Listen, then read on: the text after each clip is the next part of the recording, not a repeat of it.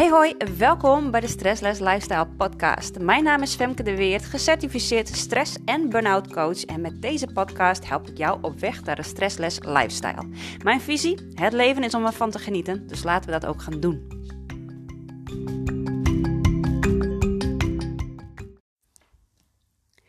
Wat zijn nou eigenlijk spanningsklachten? Hoe herken je stressgerelateerde klachten? Het is een vraag die vaak voorbij komt en de signalen zijn eindeloos. Het is eindeloos. Je hebt uh, heel veel signalen. Om te beginnen, ieder mens is uniek, ieder lichaam is uniek. En um, hoe spanningsklachten vrijkomen, ja, dat hangt dus ook echt van de persoon af. Uh, en uh, ook van het lichaam af, ja, waar gaat, waar gaat de spanning zitten, waar gaat de stress zitten? Maar om je even een, uh, een, een, een inzicht te geven in wat, ehm, wat spanningsklachten eigenlijk zijn en hoe je ze kunt herkennen. signalen zijn bijvoorbeeld dat je het gevoel hebt dat je, dat je druk hebt, dat je niet genoeg tijd in je dag hebt, dat je moe bent, hoofdpijn, hartkloppingen of druk op de borst, uh, slecht slapen, slecht doorslapen, nek- en of schouderklachten, rugpijn, spierpijn, duizeligheid, ademhalingsklachten, verhoogde bloeddruk, maag- en darmklachten, problemen met eten en je gewicht, toegenomen of overmatig zweten.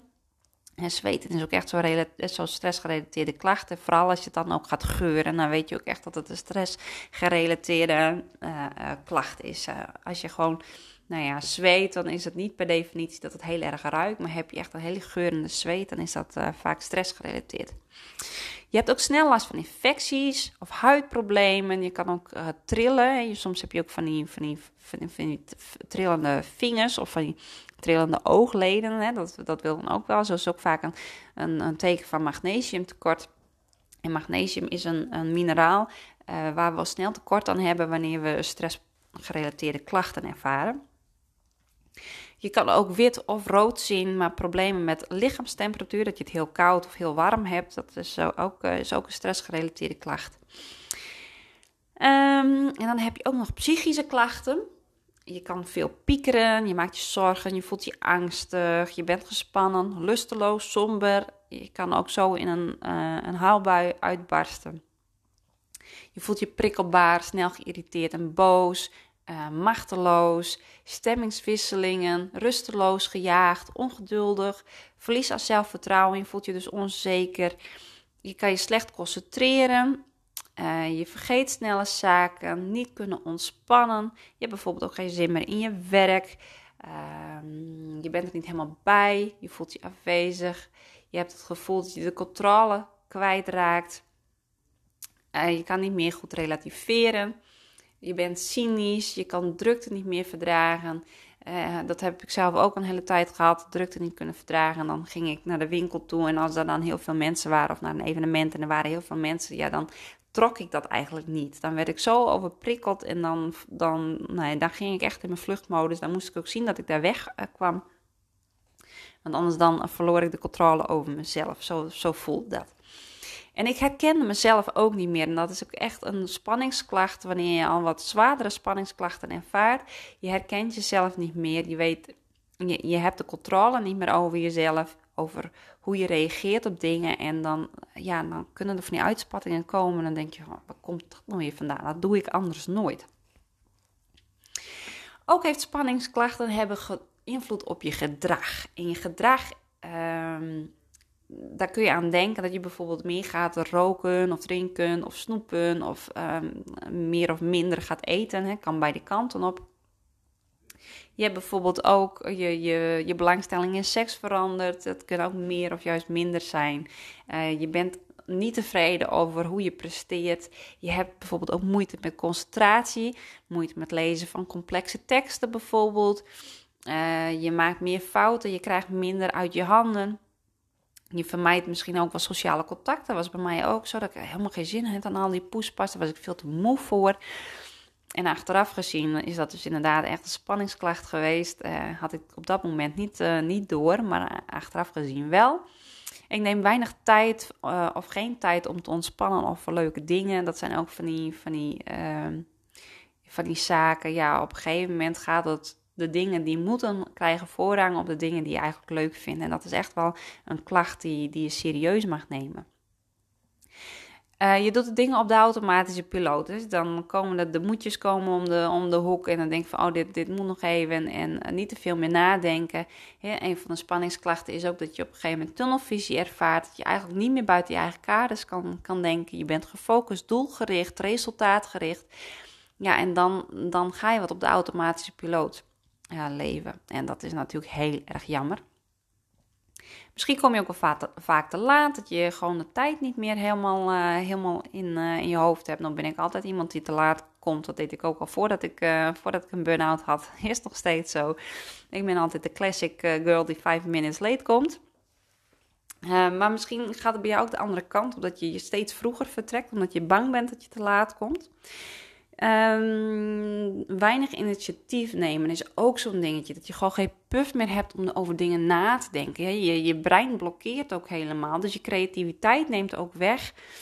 Uh, die, of die gaat weg. Uh, waardoor je ook weinig tot geen initiatief kunt nemen om dingen te gaan doen. Ik zeg ook altijd, een ontspannen brein is een creatief brein. Dus zodra je weer meer in die ontspanning komt, ja, dan, uh, dan kun je ook weer, weer leuke dingen gaan doen en ook initiatief nemen. Uh, om, uh, ja, om, om weer dingen op te pakken. Uh, je hebt ook, ja, je geeft eigenlijk al je energie in je werk of, of dingen die je moet doen in de huishouding. Maar je komt dan eigenlijk niet meer toe aan de klusjes die je eigenlijk nog zou willen doen thuis. je werkt over het algemeen ook een stuk chaotischer. en ja, misschien val je ook gewoon zo overdag wel in slaap. Als je even op de bank zit, ik deed dat ook wel vaak, dan deed ik een meditatie. Nou, dan viel ik gewoon tijdens de meditatie op de bank in slaap. Ja, dat, dat, dat uh, betekent dat je een, uh, een, rustschuld hebt of een slaapschuld. En een slaapschuld kun je gewoon zien van ja, als jij gewoon niet voldoende rust pakt in je dagelijks leven, dan uh, bouw je daar een schuld in op. En dat is hetzelfde dan dat je lening af moet betalen. Dus die slaapschuld moet je weer inlossen dat mensen met burn-out klachten bijvoorbeeld ook zo ontzettend moe zijn. Ja, het lichaam is gewoon zo overwerkt, het is gewoon compleet uitgeput. Um, en dat moet weer opladen. Nou, dan ervaren mensen met spanningsklachten ook nog vaak dat ze moeite hebben met slapen. Daar wordt het vaak niet makkelijker van, uh, want het is zo'n zo vicieuze cirkel waar je dan wat in belandt. Dus het is ook heel belangrijk om goed naar je rust te kijken. Uh, en uh, alleen slapen is niet de enige vorm dat je kan rusten. Hè. Je kan ook gewoon echt ontspannen activiteiten doen. Bijvoorbeeld ook leren gaan mediteren. Mediteren, dat zijn echt iedereen die ooit een burn-out heeft gehad. Stresscoaches, ze zeggen allemaal: ga gewoon mediteren. Dat is echt gewoon een, een, een vorm. Soms voel ik me nog beter na een meditatie dan wanneer ik een half uurtje heb geslapen. Als we het hebben over slaap, ik raad ook eigenlijk altijd iedereen aan om gewoon een siesta uh, in te lassen, zo ongeveer tussen de middag. Um, ga niet meer na vier uur uh, siesta voeren, maar ongeveer tussen 12 en 2 zo ongeveer daarin in die buurt. En ga daar gewoon echt even 20 minuten even liggen, even 20 minuten slapen. Langer dan 20 minuten hoeft niet. Het is een korte periode, maar je komt eigenlijk net even in een staat uh, dat je bijna in slaap valt en dat je daarna weer veel actiever voelt we hebben, uh, ja, het is ook wetenschappelijk onderzocht dat, uh, dat, dat siesta's echt werken. Hè. In het zuiden van Europa doen ze dat natuurlijk met enige regelmaat. Iedere middag gewoon even een siesta. Maar de Spanjaarden hebben het ook onderzocht dat 26 minuten de ideale tijd is om je siesta te houden. En eigenlijk even een uiltje te knappen. Wat je dan zou kunnen doen is dat je je bos sleutels in je handen pakt Ehm, en dat je die eigenlijk naast de bank of je bed laat hangen. En op het moment dat je sleutels op, je, op de grond vallen, dan word je vanzelf wakker. Maar dan heb jij precies dat stukje uh, tijd aangetikt, zeg maar, waarin jij uh, tegen je diepe slaap aanvalt. En net op tijd wakker wordt voordat je echt in die diepe slaap terechtkomt. Want sommige mensen ervaren het ook als ze echt die diepe slaap te pakken hebben, dat ze alleen maar veel moeier, uh, vermoeider wakker worden dan dat, ze, uh, dan dat ze zijn gaan liggen. En dat het dan juist heel moeilijk is om weer uit je bed te komen of van de bank te komen. Was voor mij ook altijd een dingetje. Ik besloot ook altijd om op de bank te gaan liggen en niet in mijn bed omdat ik uh, op de bank wat sneller weer in beweging kon komen dan wanneer ik in mijn bed lag. Dan lag het veel te lekker, jongen. Dan kon ik zo wel twee, drie uur blijven liggen. Maar hou er dus rekening mee dat als je spanningsklachten en burn-out klachten hebt, dat je gewoon echt een schuld hebt in te lossen wat rust en ontspanning en ook slaap uh, heet. En ja, daar mag je gewoon echt de tijd voor nemen. Dus heb niet de illusie dat je je spanningsklachten in een, een dag of een week hebt opgelost. Uh, mocht je dat wel zo ervaren, dan kan het best zijn dat je uh, hele lichte spanningsklachten zijn, had. Maar het kan ook zijn dat je weer in je cortisolhormonen terechtkomt, waardoor je weer lekker kunt doorgaan. En uiteindelijk de klap alsnog te verduren hebt. Zou super zonde zijn, dus ervaar je spanningsklachten. Neem ze serieus. Ga ook absoluut naar je huisarts of naar je bedrijfsarts. Maar ga in ieder geval naar iemand toe uh, die jou ook kan beoordelen. Ik als uh, stresscoach kan uh, bijvoorbeeld wel een test afnemen, maar ik mag geen.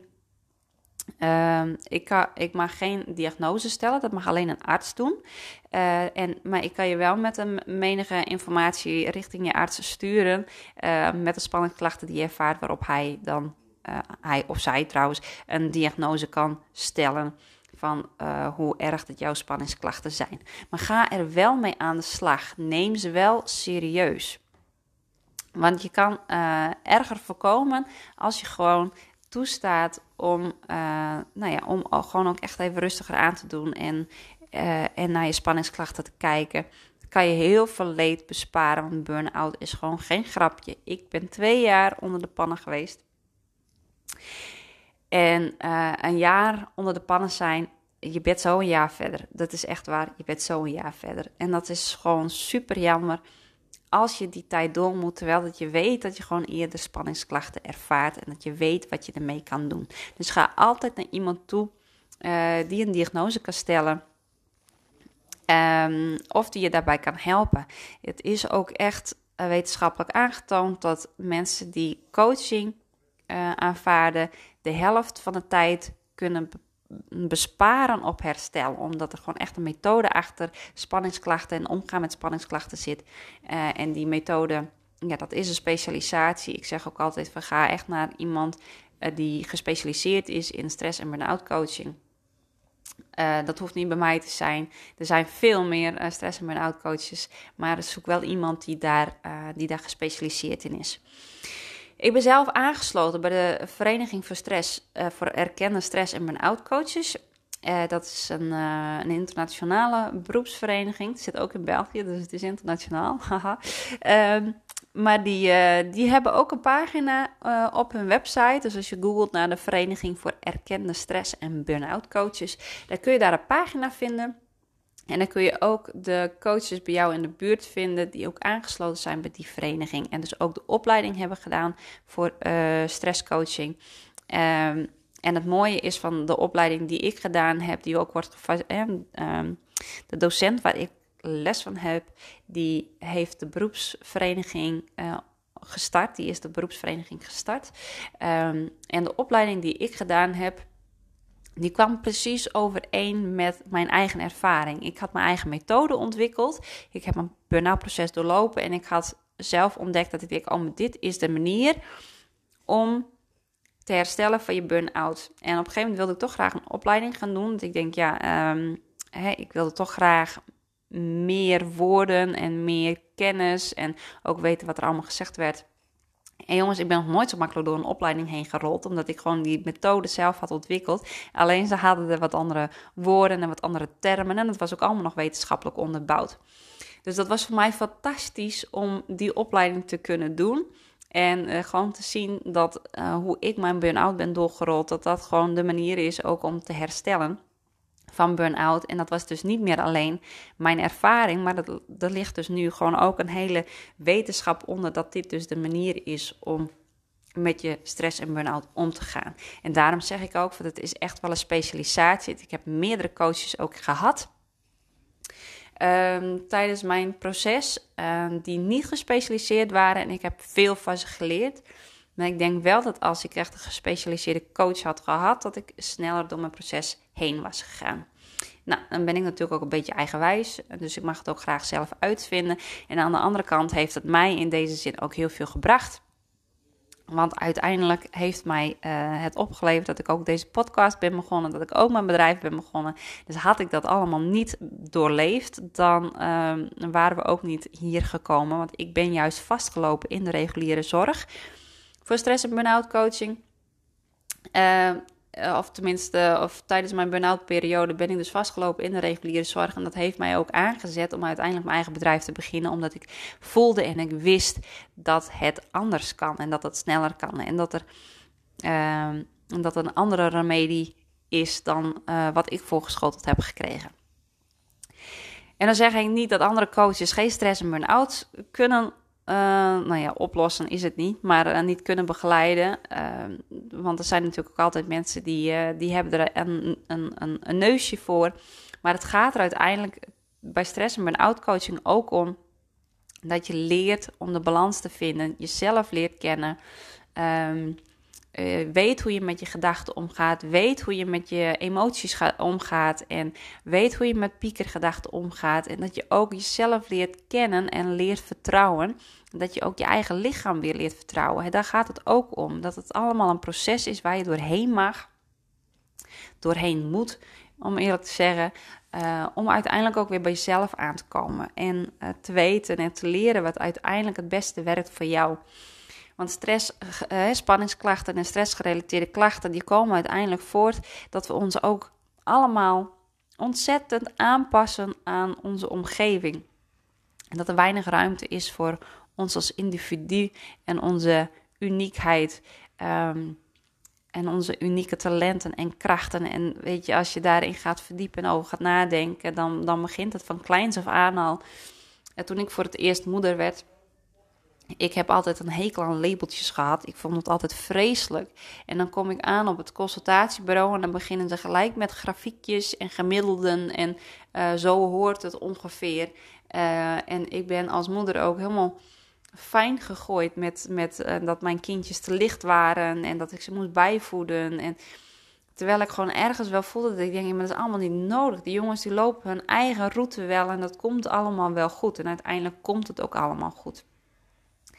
Maar dat heeft ook te maken met het voelen en ervaren van een stuk vertrouwen in jezelf, in je eigen lichaam, maar ook in het leven.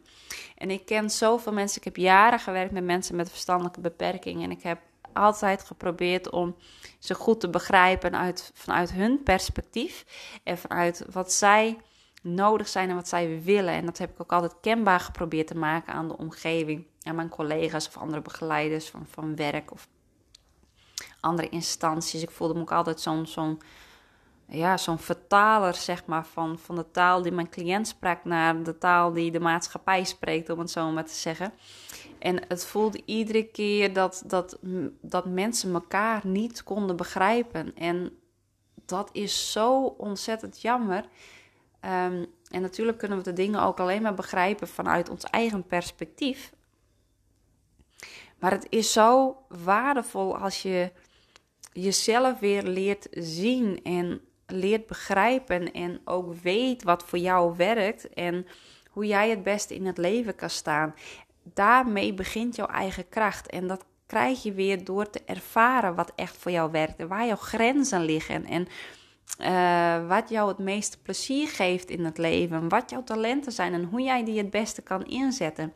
Dat is eigenlijk de hele essentie van het herstellen van spanningsklachten en of burn-out. Dat je weer leert vertrouwen op wie jij bent en niet op wat jij doet. En daar heb ik natuurlijk in aflevering 2 ook al een podcast op, over opgenomen. Hè? Dat, dat je uh, mag gaan houden van wie jij bent in plaats van wat je allemaal doet. Nou, dan hebben we inmiddels wel weer lang genoeg gesproken. Je weet in ieder geval nu hoe je stressgerelateerde klachten herkent. Wat voor eindeloze lijst eraan vastzit. Um, er zitten ook nog heel veel ziektes uh, aan vast die uiteindelijk uh, kunnen manifesteren door stressgerelateerde klachten. Dat is niet alleen stress en burn-out, maar daar kom ik in een volgende podcast dan wel weer eens op terug. Voor nu um, hoop ik dat de lijst voor jou niet al te lang is. Uh, heb, je ze, nou ja, heb je wel veel herkend van wat ik heb verteld? Ga dan alsjeblieft naar je huisarts, bespreek de klachten en ga kijken wat je ermee kunt doen. Hey, ik wens je nog een hele fijne dag.